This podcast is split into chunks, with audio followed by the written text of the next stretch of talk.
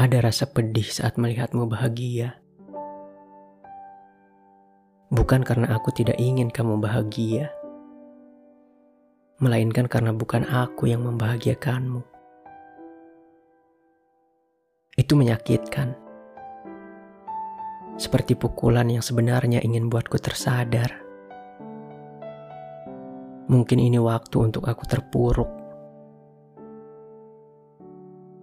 supaya aku dapat melihat Tuhan memakai kenangan ini untuk buatku dipenuhi kesiapan,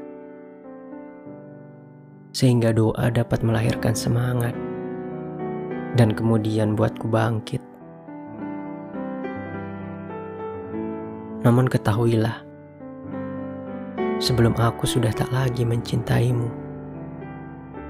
ini darahku mengalir membawa bayang-bayangmu mengelilingi tubuhku dan jantungku berdenting demi kau menari-nari di pikiranku. Ada satu hal yang sampai hari ini masih membuat aku bangga menjadi aku. Itu karena aku mampu terima kamu apa adanya. Aku meminta ampun kepada Tuhan sebab aku pernah berharap kalau suatu saat ketika angin menghempasku hilang dari daya ingatmu,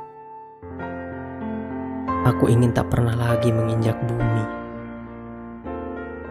Sebab hidup jadi terasa bagikan dinding yang dingin. Aku harus menjadi paku.